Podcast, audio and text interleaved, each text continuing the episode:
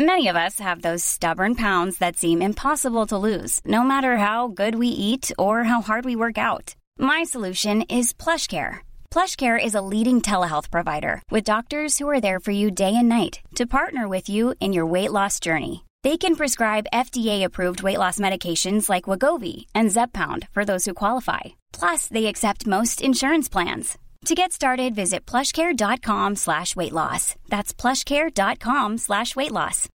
Millions of people have lost weight with personalized plans from Noom. Like Evan, who can't stand salads and still lost 50 pounds. Salads generally for most people are the easy button, right? For me, that wasn't an option. I never really was a salad guy. That's just not who I am. But Noom worked for me. Get your personalized plan today at Noom.com. Real Noom user compensated to provide their story. In four weeks, the typical Noom user can expect to lose one to two pounds per week. Individual results may vary. Hey there, it's Michelle Norris. I'm host of a podcast called Your Mama's Kitchen. When I travel, I'm usually looking for a way to find a taste of home when I'm not at home. And one of the things I love to do when I am at home is entertain. And Airbnb allows me to do that. When I was in California recently, I rented a house that had a great kitchen. And when we were sitting around the table, we're all thinking, we're in someone else's house. Someone could be in all of our homes as well. If you have a home, but you're not always at home, you have an Airbnb. Your home might be worth more than you think. Find out how much at airbnb.com/slash host. Helt siden de første menneskene slo seg ned i Trøndelag, har det blitt observert underlige lys over Hessdalen. Fenomenet har blitt forsøkt bortforklart som syner sett av bygdetullinger og deliriske hallusinasjoner forårsaket av den lokale drikkekulturen men det skulle vise seg at fenomenet stakk langt dypere, når Hessdalen-fenomenet fikk verdensomspennende oppmerksomhet i ufo-miljøet på 1980-tallet. Fenomenet er fremdeles der, og det er fremdeles like uforklarlig som den gang. I 2024 kommer en podkastserie i seks deler produsert av Project Hessdalen, som kanskje en gang for alle skal finne svar på hva som rører seg på himmelen i denne bortgjemte dalen i Trøndelag. Serien har som seg hør og bør fått tittelen A Blaze in the Northern Sky, og den kommer til din favorittpodkast-avspiller i 2024.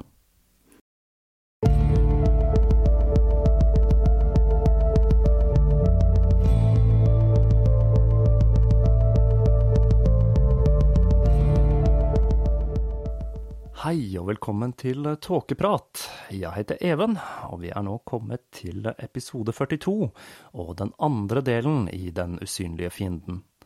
Når jeg tar opp denne, så er det søndag den 8. oktober 2017. Jeg er klar over at det er en del akademikere som hører på denne podkasten, og jeg er smertefullt klar over at når jeg begir meg ut i realfagsfelt som fysikk eller biologi, så balanserer jeg på en knivsegg.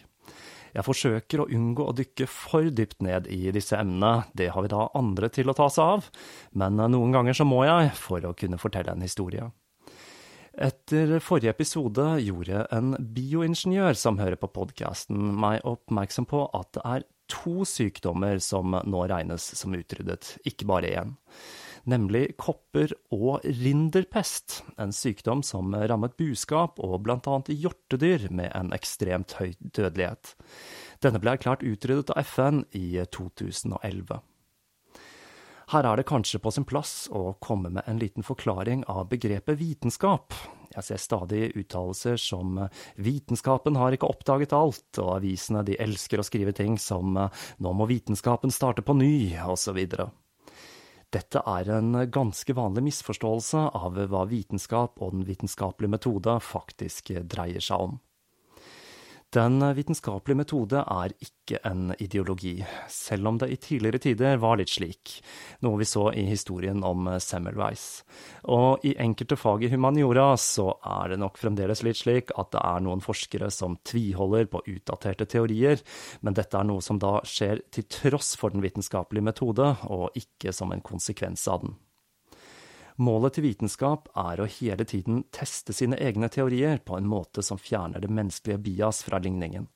Med andre ord, målet er å hele tiden revurdere og etterprøve resultater, med metoder som fagfellevurdering. Det er en prosess der arbeidet til en forsker blir vurdert anonymt av en gruppe forskere fra samme fagfelt før det blir publisert. En forsker skal aldri være fornøyd med resultatet, men alltid se etter hull og mangler i teorien. Med andre ord, selvsagt så har ikke vitenskapen oppdaget alt. Det er oppgaven til religion. Det ligger i vitenskapens natur at det alltid er uutforskede områder. Det er ikke slik at det sitter en gruppe forskere en plass med det endelige svaret liggende i en skuff, og som får full panikk om å starte på ny hver gang avisene proklamerer at det er gjort et nytt funn som gjør at vitenskapen må starte på ny. Dette gjør at en del fag er i en så rasende utvikling at det så å si er umulig å følge med om man selv ikke er en del av den innerste sirkel. Og selv da så er det nærmest umulig å holde seg helt oppdatert. Dette gjelder spesielt for harde fag som fysikk og biologi. Selv så forsøker jeg å lese et par oppdaterte bøker om fysikk hvert år, for da i det minste å forsøke å forstå hvor langt vi har kommet i vår forståelse av kosmos. Og da mener jeg virkelig forsøke, for eh, når man skal formidle de ytterste grensene av fysikk, så kommer vanlig språk til kort, og jeg har ingen forutsetning for å forstå den matematikken som ligger til grunn for forskningen. Her må jeg vel komme med en anbefaling av da den siste boken jeg kjempet meg gjennom, Sean Carrolls The Big Picture on the Origins of Life, Meaning and the Universe Itself, som i tillegg til å gå dypt, dypt inn i vår forståelse av fysikk, også tar for seg filosofiske spørsmål som hva er bevissthet, på en svært tankevekkende og god måte. I denne episoden blir det ikke like mye fokus på biologi. For nå skal vi se litt på hvordan sykdommene disse mikroorganismene forårsaker, utarter seg. Dette er en historie om menneskelig lidelse.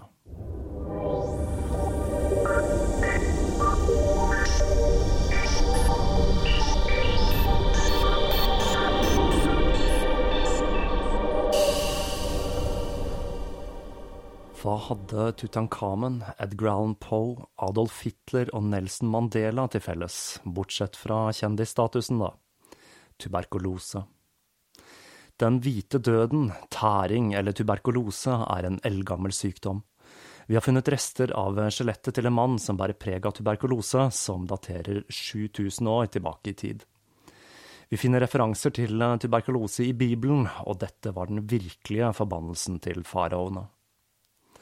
I løpet av de siste 200 årene er det estimert at så mange som to milliarder mennesker har dødd av denne sykdommen, og den har vansiret, krøplet og blindet talløse andre. Det er vanskelig å forestille seg lidelsene påført av denne grusomme sykdommen i årenes løp.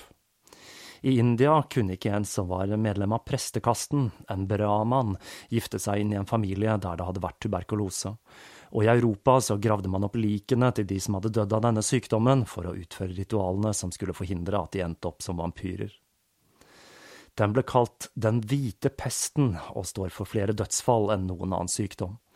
I dag er ca. en tredjedel av verdens befolkning smittet, og ca. 1% blir smittet hvert år. I 2014 var det 9,6 millioner tilfeller av aktiv tuberkulose. Vi skiller da mellom aktiv og passiv tuberkulose og 1,5 millioner dødsfall av denne sykdommen. Dette er den mikroorganismen som står for flest dødsfall i verden i dag. Det var ikke spanjolene som tok med seg tuberkulose til den nye verden, sammen med alle de andre lekre sykdommene de hadde med seg. Man har nemlig funnet rester av tuberkulose-DNA i en mumie i Peru som stammer fra 500 år før Columbus gikk i land.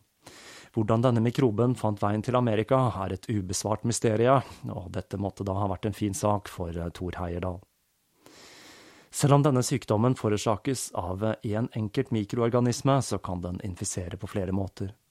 Dette er en brutal organisme som angriper alle deler av kroppen uten å diskriminere. Det vanligste er en infeksjon i lungene, hvor bakterien sakte, men sikkert spiser vekk lungevevet og danner sår som lekker osteaktig, illeluktende verk. Denne infeksjonen kan jobbe seg igjennom kroppen og ut av brystet, hvor det dannes digre sår som lekker verk med tuberkulosebakterier. Dette er en treg sykdom. I en periode som strekker seg over flere år, blir den syke en skygge av sitt tidligere jeg, blek og svakelig, ute av stand til å puste, og personen hoster blod. Dette er grunnen til at sykdommen blir kalt tæring. Den spiser rett og slett den syke, sakte, men sikkert. Men det stopper ikke der. Når det vedkommende svelger sitt eget slim, som inneholder tuberkulosebakterier, begynner de å infisere spiserøret og danne sår som gjør det vanskelig å svelge. Bakterien kan vandre videre ned i fordøyelsessystemet, hvor den forårsaker blodig oppkast og diaré og ekstreme smerter. Om infeksjonen finner veien til blodet, så forårsaker den hva man kaller militær tuberkulose, en tilstand som er 100% dødelig uten behandling. Denne formen for tuberkulose kan infisere urinveiene og føre til en svært smertefull betennelse. I tilfeller der urinblæren var betent, pleide kirurger på tidlig 1900-tall å kutte røret som forbandt nyrene med blæra, og operere dette ut av kroppen, slik at vedkommende slapp den grusomme smerten som var forbundet med urinering. Hvis eh, infeksjonen når nyrene, noe den ofte gjør med en urinveisinfeksjon, så fører dette til nyresvikt og død. For kvinner er veien fra urinveisinfeksjon til kjønnsinfeksjon kort. Bakteriene sprer seg til livmoren og til egglederne og bryter disse ned til en guffen blanding av verk og betennelse. De som overlever dette, blir selvsagt sterile. Sykdommen kan infisere lever, hjerne, hjernehinne og ryggrad. Den kan spise hull i alle beina i kroppen og til og med knekke ryggraden noe som førte til den karakteristiske pukkelryggen til mange av de som led av tuberkulose. Den kan føre til at huden i ansiktet og rundt munnen blir rød og hard og får et ulvaktig utseende som kalles lupus vulgaris, eller den kan rett og slett spise deler av ansiktet som nese, ører og øyne. Den engelske forfatteren John Bunyan beskrev tuberkulose som kapteinen til alle dødens menn. Denne sykdommen er et mareritt, og den lever fortsatt i beste velgående. Sykdommen forårsakes av bakterien Mycobacterium tuberculosis, en liten stavformet bakterie som har en voksaktig cellevegg, noe som gjør at den kan overleve i månedsvis utenfor en vert. Når Robert Koch identifiserte bakterien i 1882, så sto den for hvert syvende dødsfall i verden. Identifikasjonen av denne bakterien var en lang og vanskelig prosess. Av den voksaktige celleveggen så er den vanskelig å farge, og den vokser svært sakte. Den dobler seg kun én gang i døgnet, til sammenligning så dobler E. coli seg hvert 20. minutt. Så det kan derfor ta opptil åtte uker å rendyrke en kultur med tuberkulose. Den sakte vekstraten er det som gir tuberkulose sin karakteristiske sakte progresjon. Årtusener med evolusjon har ført til at denne mikroben har funnet en strategi som sørger for et langt og lykkelig liv. Den spiser sakte. Det er enda en strategi som har sørget for at denne bakterien har høstet så stor suksess, nemlig det at det er kun én av ti som blir smittet, som får et utbrudd av sykdommen, eller aktiv tuberkulose. Av de så dør omtrent halvparten innen fem år uten behandling. I de siste 90 prosentene så bekjemper immunforsvaret infeksjonen, og bakterien går i en dvale og danner en tuberkel, en slags liten knute, derav navnet tuberkulose. Men organismen kan reaktiveres og starte en infeksjon, gjerne mange år etter at vedkommende ble smittet. Ofte så finner vi store utbrudd av tuberkulose i perioder med krig, hungersnød eller økonomiske nedgangstider. Med andre ord når kroppens immunforsvar er svekket. Tuberkulose er nært beslektet med spedalskhet. Den smitter som regel ved dråpesmitte, når en med aktiv tuberkulose nyser, hoster, prater eller på annen måte sprer dråper med bakterien. Men den er da på langt nær så smittsom som for eksempel forkjølelse. Man har forsøkt eh, mange artige triks for å bekjempe tuberkulose. Som å gå med en død fisk på brystet til å drikke brystmelk rett fra puppen men i 1908 så ble det utviklet en vaksine. Vaksinen ble oppkalt etter de to vitenskapsmennene som oppdaget den, Albert Calmette og Camille Gyrin. Bacillus Calmette Gyrin, eller BCG. Jeg husker fremdeles spenningen knyttet til å ta denne vaksinen på ungdomsskolen, og hvor smertefull den angivelig skulle være. Dette er den mest brukte vaksinen i verden, og den eneste vi har mot tuberkulose i dag. Det er en del usikkerhet rundt effektiviteten til BCG-vaksinen, grunn av at den kun virker på mennesker som ikke har tuberkulose, dvs. Si den virker ikke på de som har den inaktive varianten. Den gjør også at tuberkulintesten viser positivt for tuberkulose, og gjør denne ubrukelig. I tillegg så gir den ingen fullgod beskyttelse mot alle former for smitte. BCG er derfor ikke en del av vaksineringsprogrammet i en rekke land, som USA og Canada. I Norge så var denne vaksinen lovpålagt fram til 1995. Men i dag så er dette vaksineringsprogrammet avviklet, og vaksinen den anbefales til personer i høyrisikogrupper, som personer fra land der tuberkulose er utbredt, helsepersonell og lignende. Tuberkulintesten ble oppdaget ved en tilfeldighet av Robert Koch i 1890. Han med den halve poteten på laboratoriet, altså. Han trodde dette kunne være en kur mot eh, tuberkulose, og tuberkulin ble tatt i bruk over hele verden som en kur. Men det skulle vise seg at eh, tuberkulin forverret tilstanden til pasienter med tuberkulose, og mange døde av denne behandlingen. Cooks rykte ble ødelagt, og politiet måtte beskytte huset hans mot en rasende mobb. Denne briljante vitenskapsmannen døde den 27. mai 1910, og det er uvisst hvorfor Cook var så skråsikker på at tuberkulin var en kur mot tuberkulose. Tuberkulose er også forbundet med en litt lystigere ting, nemlig sanatorier. Og da snakker jeg ikke om sinnssykehus, men et fenomen som oppsto i andre halvdel av 1800-tallet. Ideen om sanatorier stammet fra en britisk lege, George Boddington, som hadde lagt merke til at folk som bodde i landlige omgivelser, virket mer motstandsdyktige mot tuberkulose. Dette førte til at det åpnet en rekke sanatorier over hele Europa, inkludert i Norge, hvor disse var spesielt populære. På 1950-tallet så var det til sammen ca. 135 anstalter med til sammen 5500 sengeplasser her til lands. Metodene som ble anvendt, de varierte, men de besto som regel av en blanding av landlige omgivelser, trim, riktig kosthold og hvile. En slags tuberkulosespa, altså. Og de virket. Riktig kosthold og en sunn livsstil hjelper til med å styrke kroppens immunforsvar og bekjempe infeksjonen til tuberkulosebakterien.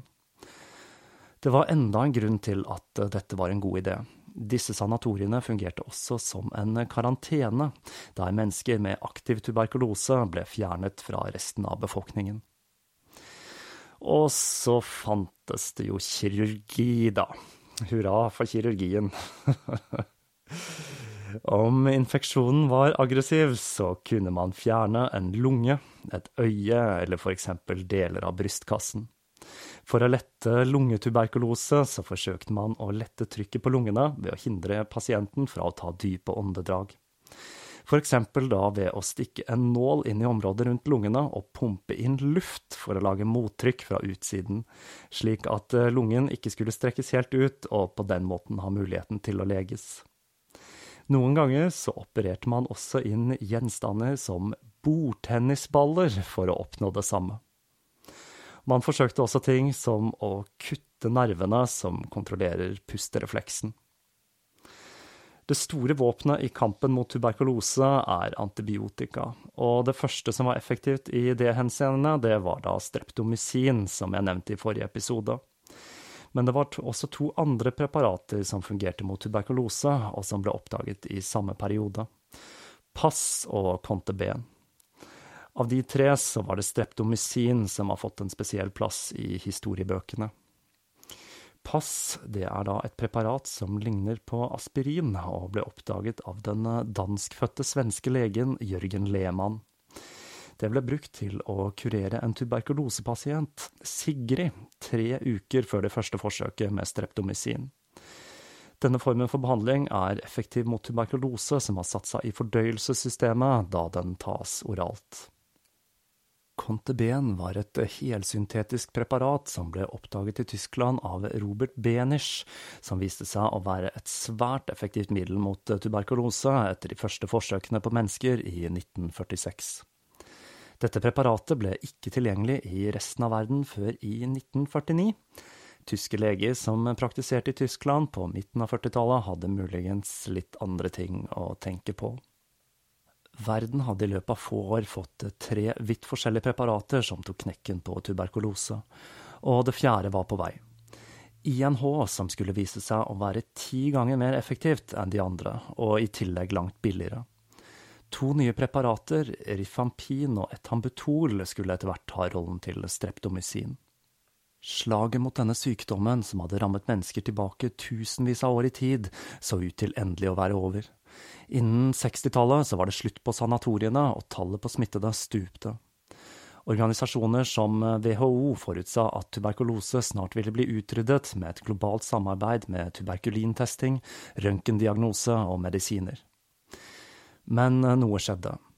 Siden 1980 så begynte tallet på smittede å gå opp, og i en verden med en stadig voksende befolkning begynte tuberkulose igjen å få fotfeste. Hvorfor? Og her kommer jeg inn på det som blir mantra i denne serien resistens. Ved bruk av et enkelt preparat i kampen mot tuberkulose fant man raskt ut at det vokste fram nye og resistente varianter av sykdommen, så man tok i bruk en kombinasjon av preparater for å ta knekken på infeksjonen. Men så var det denne sakte vekstraten til tuberkulose, da, for behandling mot tuberkulose det er en langdryg affære, og varer gjerne seks til ni måneder og personen som mottar behandlingen vil være symptomfri lenge før den tid. Siden disse preparatene gjerne har en del bivirkninger, så velger vedkommende å slutte å ta ett eller flere av disse, og tuberkulosen den vokser sakte, men sikkert fram igjen. Dette har ført til at vi har fått multiresistent tuberkulose, og multiresistens, det er skikkelig, skikkelig ille. Løsningen på dette er noe man kaller for DOT, Directly Observed Treatment, eller direkte observert behandling. Med andre ord at helsepersonell ser på når pasienten tar medisinen. Dette har vært lovpålagt for tuberkulosesmittede i Norge siden 2002. Dette har vist seg ekstremt effektivt i å stoppe tuberkulose. Men har vi ressursene og viljen til å gjennomføre et slikt program på en global skala? Tallet på nye tilfeller av tuberkulose har gått opp siden 2000, og i Norge så har vi 300-400 tilfeller hvert eneste år. I dag hvor hele verden kun er en flytur unna, er denne sykdommen noe som angår oss alle.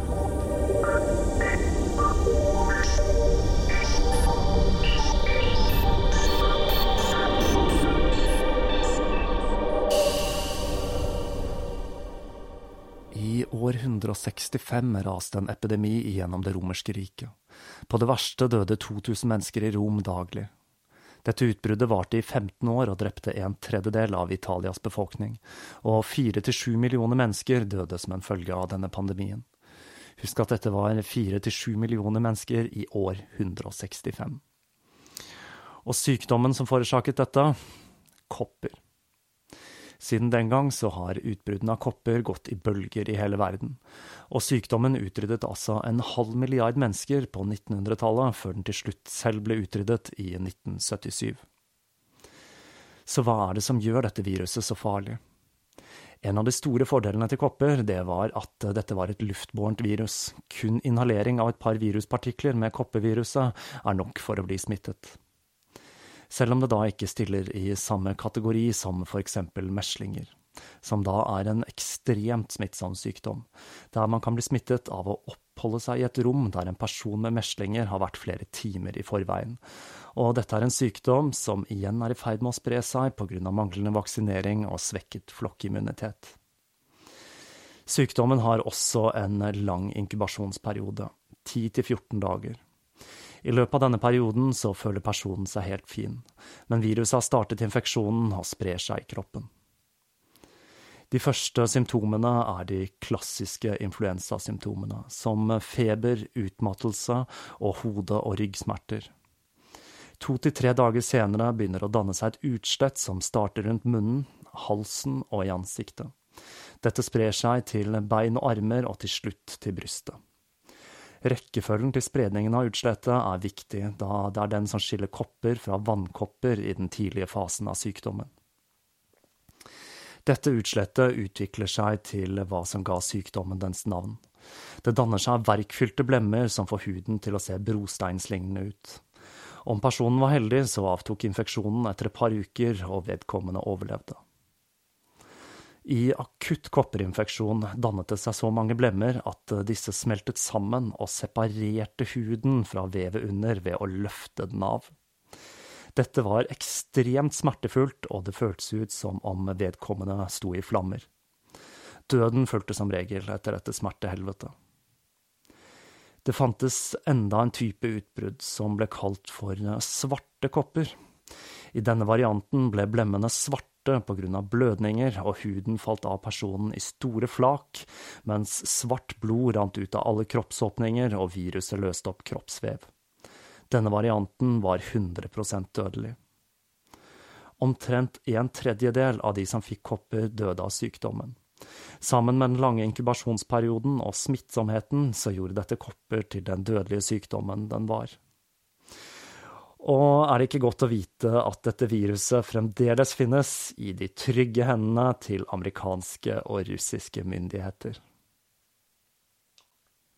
Pest refererer til en rekke smittsomme og grusomme sykdommer, men det vi først og fremst forbinder med pest, er nok svartedauden en sykdom som har en helt egen plass i historien. Jeg kommer sikkert til å dekke deler av denne historien senere her i Tåkeprat, men nå skal vi se litt på selve sykdommen. Pesten herjet allerede i begynnelsen av vår tidsregning, og endte med et kjempeutbrudd How would you like to look five years younger? In a clinical study, people that had volume added with Juvederm Voluma XC in the cheeks perceived themselves as looking five years younger at six months after treatment. Look younger, feel like you. Add volume for lift and contour in the cheeks with Juvederm Voluma XC. Reverse signs of aging by adding volume to smooth laugh lines with Juvederm Volure XC. For important safety information and to find a licensed specialist, visit juvederm.com. That's J U V E D E R M.com. Not for people with severe allergic reactions, allergies to lidocaine, or the proteins used in Juvederm. Common side effects include injection site redness, swelling, pain, tenderness, firmness, lumps, bumps, bruising, discoloration, or itching. There's a risk of unintentional injection into a blood vessel, which can cause vision abnormalities, blindness, stroke, temporary scabs, or scarring. Talk to a licensed specialist to find out if it's right for you. Hiring for your small business? If you're not looking for professionals on LinkedIn, you're looking in the wrong place. That's like looking for your car keys in a fish tank. LinkedIn helps you hire professionals you can't find anywhere else, even those who aren't actively searching for a new job but might be open to the perfect role. In a given month, over 70% of LinkedIn users don't even visit other leading job sites. So start looking in the right place. With LinkedIn, you can hire professionals like a professional. Post your free job on linkedin.com slash people today. Kjent som den justinianske pesten, som varte fra 540 til 590. Den herjet seg gjennom det romerske riket og var delaktig i å la kristendommen, med sine løfter om helbredelse og evig liv, få fotfeste i det romerske riket. Den beryktede svartedauden i Europa, 1346–53, tok livet av 30–60% av befolkningen, og sykdommen var med på å endre det politiske, religiøse og økonomiske landskapet. For ikke å snakke om alle kjettere, hekser og jøder som ble henrettet beskyldt for å ha forårsaket det hele. Totalt regner man med at 75–200 millioner mennesker døde i løpet av spredningen fra Sentral-Asia og gjennom Europa. Pesten gikk i land i Norge i 1349. Fra 1665 til 66 var det et tredje stort utbrudd i London, hvor svartedauden drepte mer enn 7000 mennesker i uka. Denne sykdommen blir forårsaket av en stavformet bakterie, Irsinia pestis, som lever i gnagere, og som finnes over hele verden. Mennesker er normalt ikke en del av livssyklusen til denne mikroben, og det er kun på grunn av lopper som lever av blod fra gnagere og mennesker at den blir overført til mennesket. Sykdommen lever i beste velgående i dag. Fra 2000 til 2009 var det 21 725 dokumenterte tilfeller av denne sykdommen. Det finnes en rekke former for infeksjon. Svartedauden er også kjent som byllepest, et navn den har fra sitt mest karakteristiske trekk, forstørrede lymfeknuter. Disse svelger opp til de er på størrelse med et egg, myke og røde og utrolig smertefulle. Symptomene opptrer to til ti dager etter smitte, med en typisk inkubasjonstid på fire til fem dager. Illebefinnende, hodepine og feber akkompagnerer utbruddet av byller, og disse blir fulgt av indre blødninger som gjør huden mørk. I sin mildeste form dreper svartedauden ca. 50% av de smittede. Om bakterien invaderer sirkulasjonssystemet, så fører det til sepsis og øker dette tallet til 75 Når basillen starter å formere seg i blodet, så sprer den seg raskt til andre organer. Det er når sykdommen infiserer lungene vi får den skumleste varianten av denne sykdommen, hvor den syke hoster, har sterke magesmerter, kaster opp blod og har blodig diaré. I denne formen blir nemlig sykdommen luftbåren, og det helvete som er et utbrudd av pest, har begynt. Heldigvis så finnes det en rekke antibiotika som fremdeles er effektive mot uh, eh, Yersinia pestis, og det finnes også en vaksine. En av de mest intense og smittsomme pandemiene gjennom tidene skjedde så sent som i 1918. Halve verdens befolkning ble syke, og ca. 40 millioner mennesker døde. Sykdommen som forårsaket dette, ble kalt for spanskesyken, og viruset det var influensa. En sykdom som vel bør være kjent for de fleste, og som de aller fleste nok har hatt. 250 000-500 000 mennesker dør hvert år av ordinær sesonginfluensa. Selve navnet influensa det kommer av at man trodde sykdommen skyldtes innflytelsen til stjernene. Vi hører stadig vekk om frykten for influensapandemier, og begreper som svineinfluensa og fugleinfluensa blir ofte brukt. Hvert eneste år så kommer det en ny form for influensa som sveiper over landet. Jeg skal se litt eh, raskt på årsaken til at det er slik, for eh, dette viruset har en rekke skumle egenskaper som gjør at det har potensial til å utvikle seg til nye og dødeligere varianter. For det første så er influensa et RNA-virus, og det har en av de høyeste mutasjonsratene til noe virus i det hele tatt.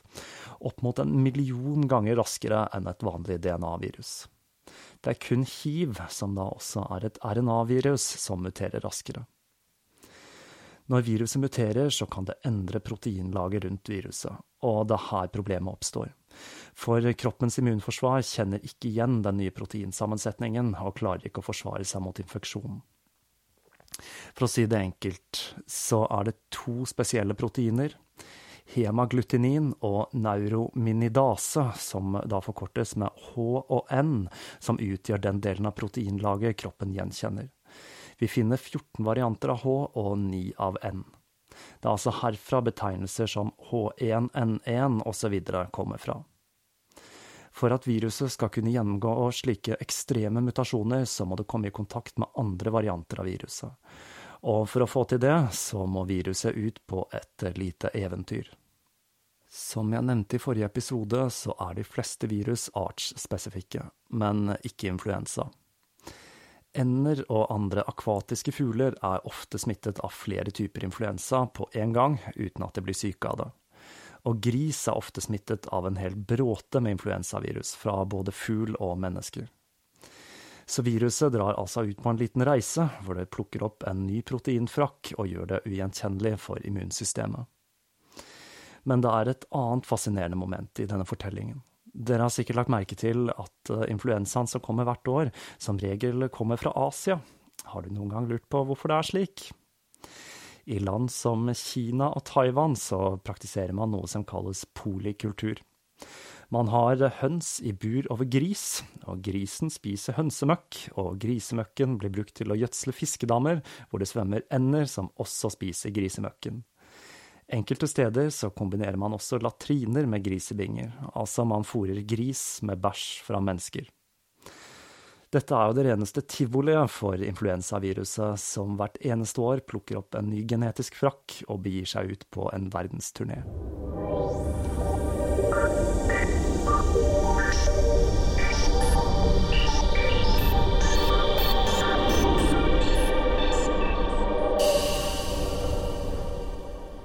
Har sett i tidligere episoder her i Tåkeprat, så var perioder med dårlig hygiene, krig, nedgangstider og sult ofte fulgt av to sykdommer – dysenteri og kolera. Dysenteri er en type mageinfeksjon som utvikler seg i tykktarmen. Denne kan skyldes en rekke forskjellige organismer, som bakterier, amøber, virus eller parasitter.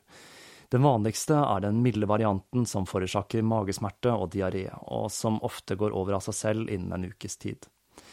Men siden dette er en samlebetegnelse på en type infeksjon som forårsakes av en rekke forskjellige mikroorganismer, så finnes det langt verre og farligere varianter. Diareen kan inneholde blod og verk, og i ekstreme tilfeller så kan personen drite ut mer enn én liter væske i timen. Oppkast, feber, sjokk og delirium kan også være en del av sykdomsforløpet. Og i enkelte tilfeller så kan også infeksjonen spre seg ut av fordøyelsessystemet og ramme andre organer, og i verste fall føre til dødsfall. Dette er da ikke en god måte å dø på. Med den tropiske varianten amøbedysenteri kan mikroorganismen gå i dvale, for så å forårsake komplikasjoner med dødelige konsekvenser årevis etter det opprinnelige utbruddet. Det finnes eh, flere definisjoner på dysenteri. CDC bruker da den enkle definisjonen blodig diaré. Kolera er en infeksjon som forårsakes av forskjellige varianter av vibrio cholerae. Vi har nedtegnelser fra India om denne sykdommen så langt tilbake som til 500 år før Kristus. Symptomene varierer fra lette, med tyntflytende diaré, noen ganger med oppkast og muskelkramper som kan vare i et par dager, til kraftigere infeksjoner der personen blir så dehydrert at huden blir rynkete, øynene blir innsunket og huden blir blåaktig. Tre til fem millioner blir smittet av kolera årlig, og 30 000-130 000 mennesker dør hvert år av denne sykdommen, som som regel smitter av dårlig hygiene og via mat og vann. Et eksakt dødstall er vanskelig å fastsette, da disse i stor grad forekommer i den tredje verden. Selv om dødeligheten til denne bakterien er under 5% så er den nærmere 50 der hvor det ikke er mulig å få behandling. Både dysenteri og kolera kan behandles med antibiotika. Men igjen, her har de resistente bakteriene dukket opp, og dødsfall som en følge av diarésykdommer danket ut tuberkulose på WHO sin oversikt over antall dødsfall i 2015, med 1,39 millioner mot tuberkulose med 1,37 millioner. I forrige episode kom jeg til skade for å si at parasitter er flercellede organismer. Dette er da ikke helt riktig. Vi finner nemlig en gruppe med protozoer som er parasitter. Protozoer er da disse organismene som Løvenhokk så i mikroskopet der, altså. Protozoer er i likhet med bakterier encellede organismer, men de er langt større og langt mer kompliserte enn sine encellede slektninger. Av alle parasitter så er det én som har tatt flere liv enn noen annen parasitt, og som kniver om plassen som den dødeligste organismen på jorda. Denne parasitten er en protozoo, og sykdommen den forårsaker, er malaria. Ordet malaria stammer fra gresk og betyr dårlig luft. Man spekulerte nemlig om sykdommen ble forårsaket av dårlig luft, akkurat på samme måte som barselfeber, og det var ikke før i 1898 årsaken til malaria ble oppdaget. Sykdommen blir forårsaket av en protozoo, plasmodium falciparum, som ble overført via mygg. Vi vet i dag at det fins fem ulike typer av plasmodiumprotozoen som kan forårsake malaria, men det er altså falsiparium som er den farligste varianten, og som står for 95% av alle dødsfallene. Malaria forekommer over store deler av verden, og det er vanskelig å fastsette et nøyaktig tall på hvor mange som dør av denne sykdommen hvert år, men det antas at litt under en million dør årlig av malaria. Antallet tilfeller av malaria lå på 296 millioner smittede i 2015. Det er ikke noe småtteri, dette her. Livet til parasitter det er ofte forbløffende utspekulert, og malariaparasitten er intet unntak. Den sprer seg altså via mygg, eller anofelesmyggen for å være helt nøyaktig. Når myggen stikker, så injiserer den tusenvis av trådlignende plasmodier som kalles sporosoiter i personen. Disse sporosoitene finner så veien til leveren, hvor hver enkelt sporosoit infiserer hver sin levercelle. I levercellen så deler de seg og produserer opp mot 40 000 sporer i en prosess som tar ca. to uker. I denne perioden så føler personen seg helt frisk. Det første utbruddet av malaria, som består av høy feber og svette, oppstår når levercellene sprekker og sporene blir sluppet ut i blodomløpet. Hver enkelt spore infiserer hver sin røde blodcelle. Der lever de på hemoglobin og vokser seg store og feite. Til slutt så sprekker blodcellene, og flere sporer, merosoiter, sprer seg ut i blodet og infiserer nye blodceller. Hvis denne syklusen får fortsette, så blir malariaen kronisk og kan være dødelig. Blodcellene sprekker i et synkronisert mønster, og vi har ingen full forståelse av hvordan dette foregår. Måten de kommuniserer på, altså. Men det er når blodcellene sprekker vi får de karakteristiske skjelvingene som oppstår i personer som er smittet med malaria. Når dette har pågått noen ganger, så danner merosoitene reproduktive hann- og hunnceller, som venter på at en mygg igjen skal stikke vedkommende og suge opp disse cellene, som så reproduserer seg i magen til myggen, hvor de produserer egg som danner nye plasmodier, og prosessen begynner på ny. Som jeg sa, forbløffende utspekulert. CDC ble opprettet etter andre verdenskrig nettopp for å bekjempe malaria. For å få has på denne organismen, så er det ikke selve mikroben man forsøker å ta knekken på, men myggen. Den legger larver i dammer med stillestående vann.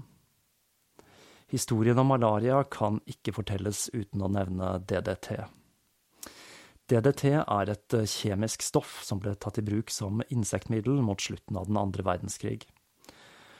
Paul Herman Müller, som oppdaget at DDT var effektivt som insektmiddel, fikk nobelprisen i medisin i 1948. DDT virket som et mirakel. Det drepte insekter, førte til flotte avlinger, og det var billig, langtidsvirkende og tilsynelatende ufarlig. Men etter hvert så ble man klar over at medaljen hadde en bakside. DDT var farlig for dyr, da spesielt fugler, og stoffet blir konsentrert i næringskjeden og er kreftfremkallende.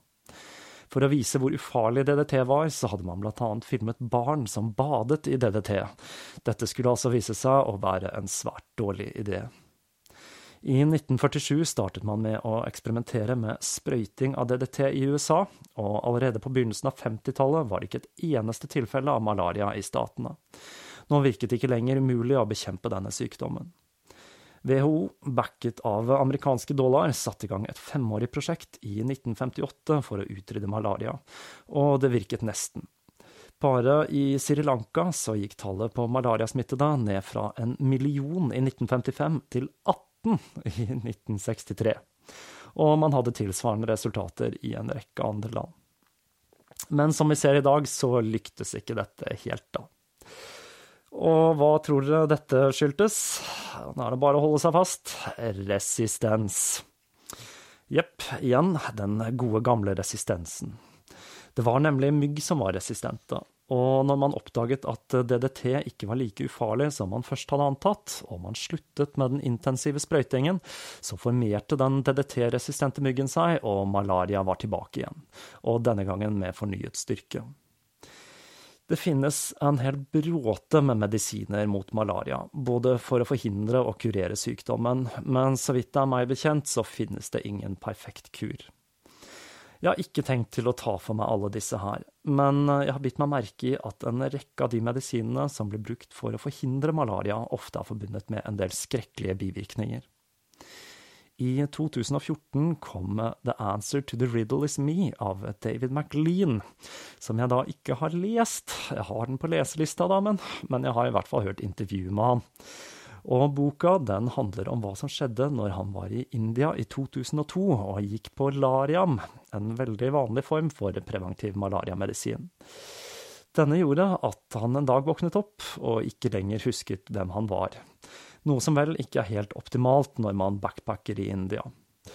Han blir eh, lagt inn på et mentalsykehus, hvor han i en psykotisk tåke forsøker å finne ut hvem han er. Og igjen så har malaria utviklet, ja, resistens mot en rekke av disse medikamentene. Parasitter står for en rekke merkelige sykdommer, og kan også påvirke en persons syke. I USA har myten om den late og dumme personen fra sørstatene antageligvis en sammenheng med utbredelsen av en type hakeorm som fester seg i tynntarmen og suger blod. Denne var spesielt utbredt i områder der det var vanlig å gå barbeint, noe som da var vanlig blant de fattige i sørstatene. Larven den borer seg inn mellom tærne og inn i kroppen.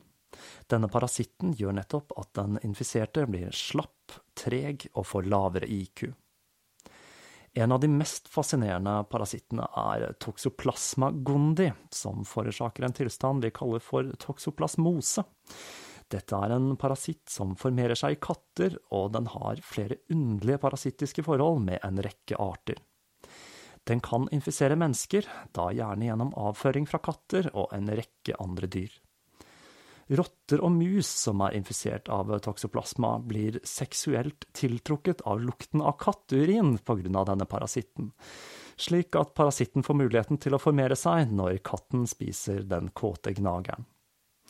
I mennesket så er denne parasitten linket til oppførsel med økt risiko, slik som ekstremsport, det å ta sjanser i trafikken og promiskiøs seksualitet. Og kickeren her, den er at ca. halve verdens befolkning er infisert av denne parasitten. Har du hatt utekatt, så er sjansen for at nettopp du er infisert ganske stor. Om du driver med strikk-opp, er swinger og kjører Audi, så er det vel nærmest bankers at du er smitta. Det er til og med observert en sammenheng mellom raten av infeksjon av toksoplasmose og fotballag som gjør det ekstremt bra med Brasil som det landslaget som har den høyeste infeksjonsraten. Man kan jo stille seg spørsmålet om hvem som egentlig regjerer, vi eller mikroorganismene. De var her lenge før vi kom, og de kommer til å være her lenge etter vi er borte.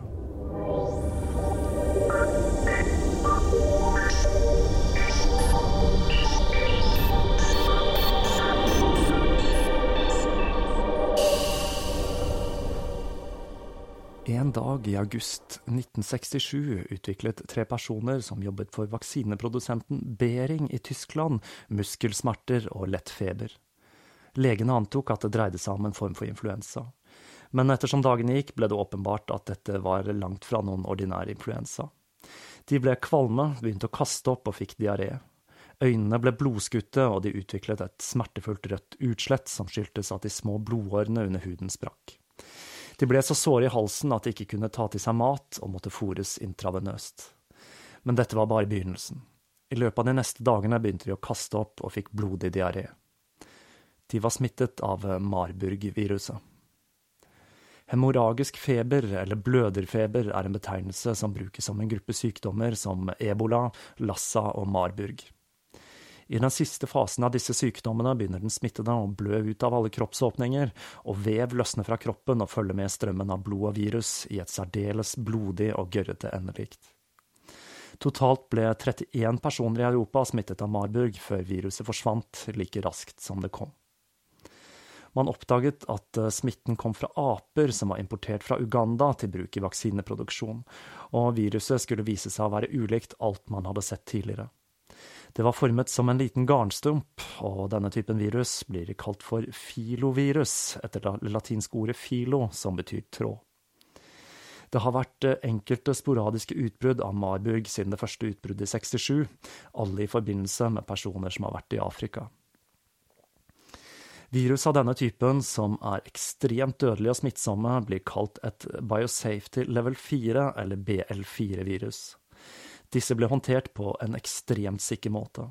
Personell som skal håndtere disse organismene, ble utstyrt med ekstreme romdrakter med ekstern lufttilførsel, og ekstra hansker under og gjerne over drakten. I tillegg til at laboratoriet blir holdt i et konstant negativt lufttrykk, slik at det aldri kommer luft ut av laboratoriet, og prøvene blir behandlet i lufttette hanskebokser. Før forskeren som har undersøkt prøvene kan forlate laboratoriet, blir vedkommende dekontaminert i en prosess hvor de blir utsatt for ultrafiolett lys som ødelegger virus-DNA, og de blir dusjet med kjemikalier i sju minutter. Til sammenligning så er hiv-viruset kun et nivå 2-virus. Disse skrekkelige, dødelige virusene dukker opp med jevne mellomrom, før de forsvinner like raskt som de har dukket opp som ebola, som hadde et stort utbrudd nå nettopp, fra 2013 til 2016. Hvem vet hvilke sykdommer som venter oss i dypet av verdens uutforskede jungler? Med menneskets stadig nedhugging av regnskog, klimaendringer som endrer levekårene for mikroorganismer, og våre resistente bakterier, så er det ikke et spørsmål om, men når vi blir rammet av en ny pandemi, som vil spre lidelse og død over hele kloden.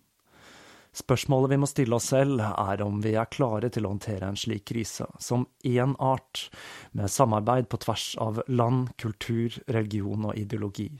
For apokalypsens ryttere bryr seg fint lite om slike menneskelige konstruksjoner.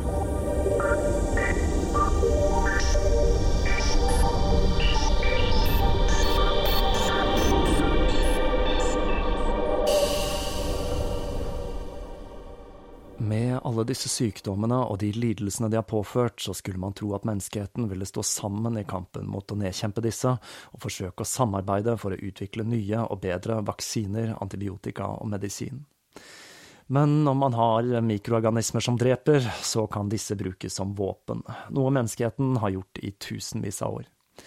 I neste episode skal jeg ta for meg biologiske våpen, for med genmanipulasjonsteknologi, statlige midler og menneskelig fantasi så har man klart å produsere noen av de mest skremmende og dødelige mikrobene verden noen gang har sett. På samme måte som i atomkappløpet så ble det produsert mengder, ekstreme mengder.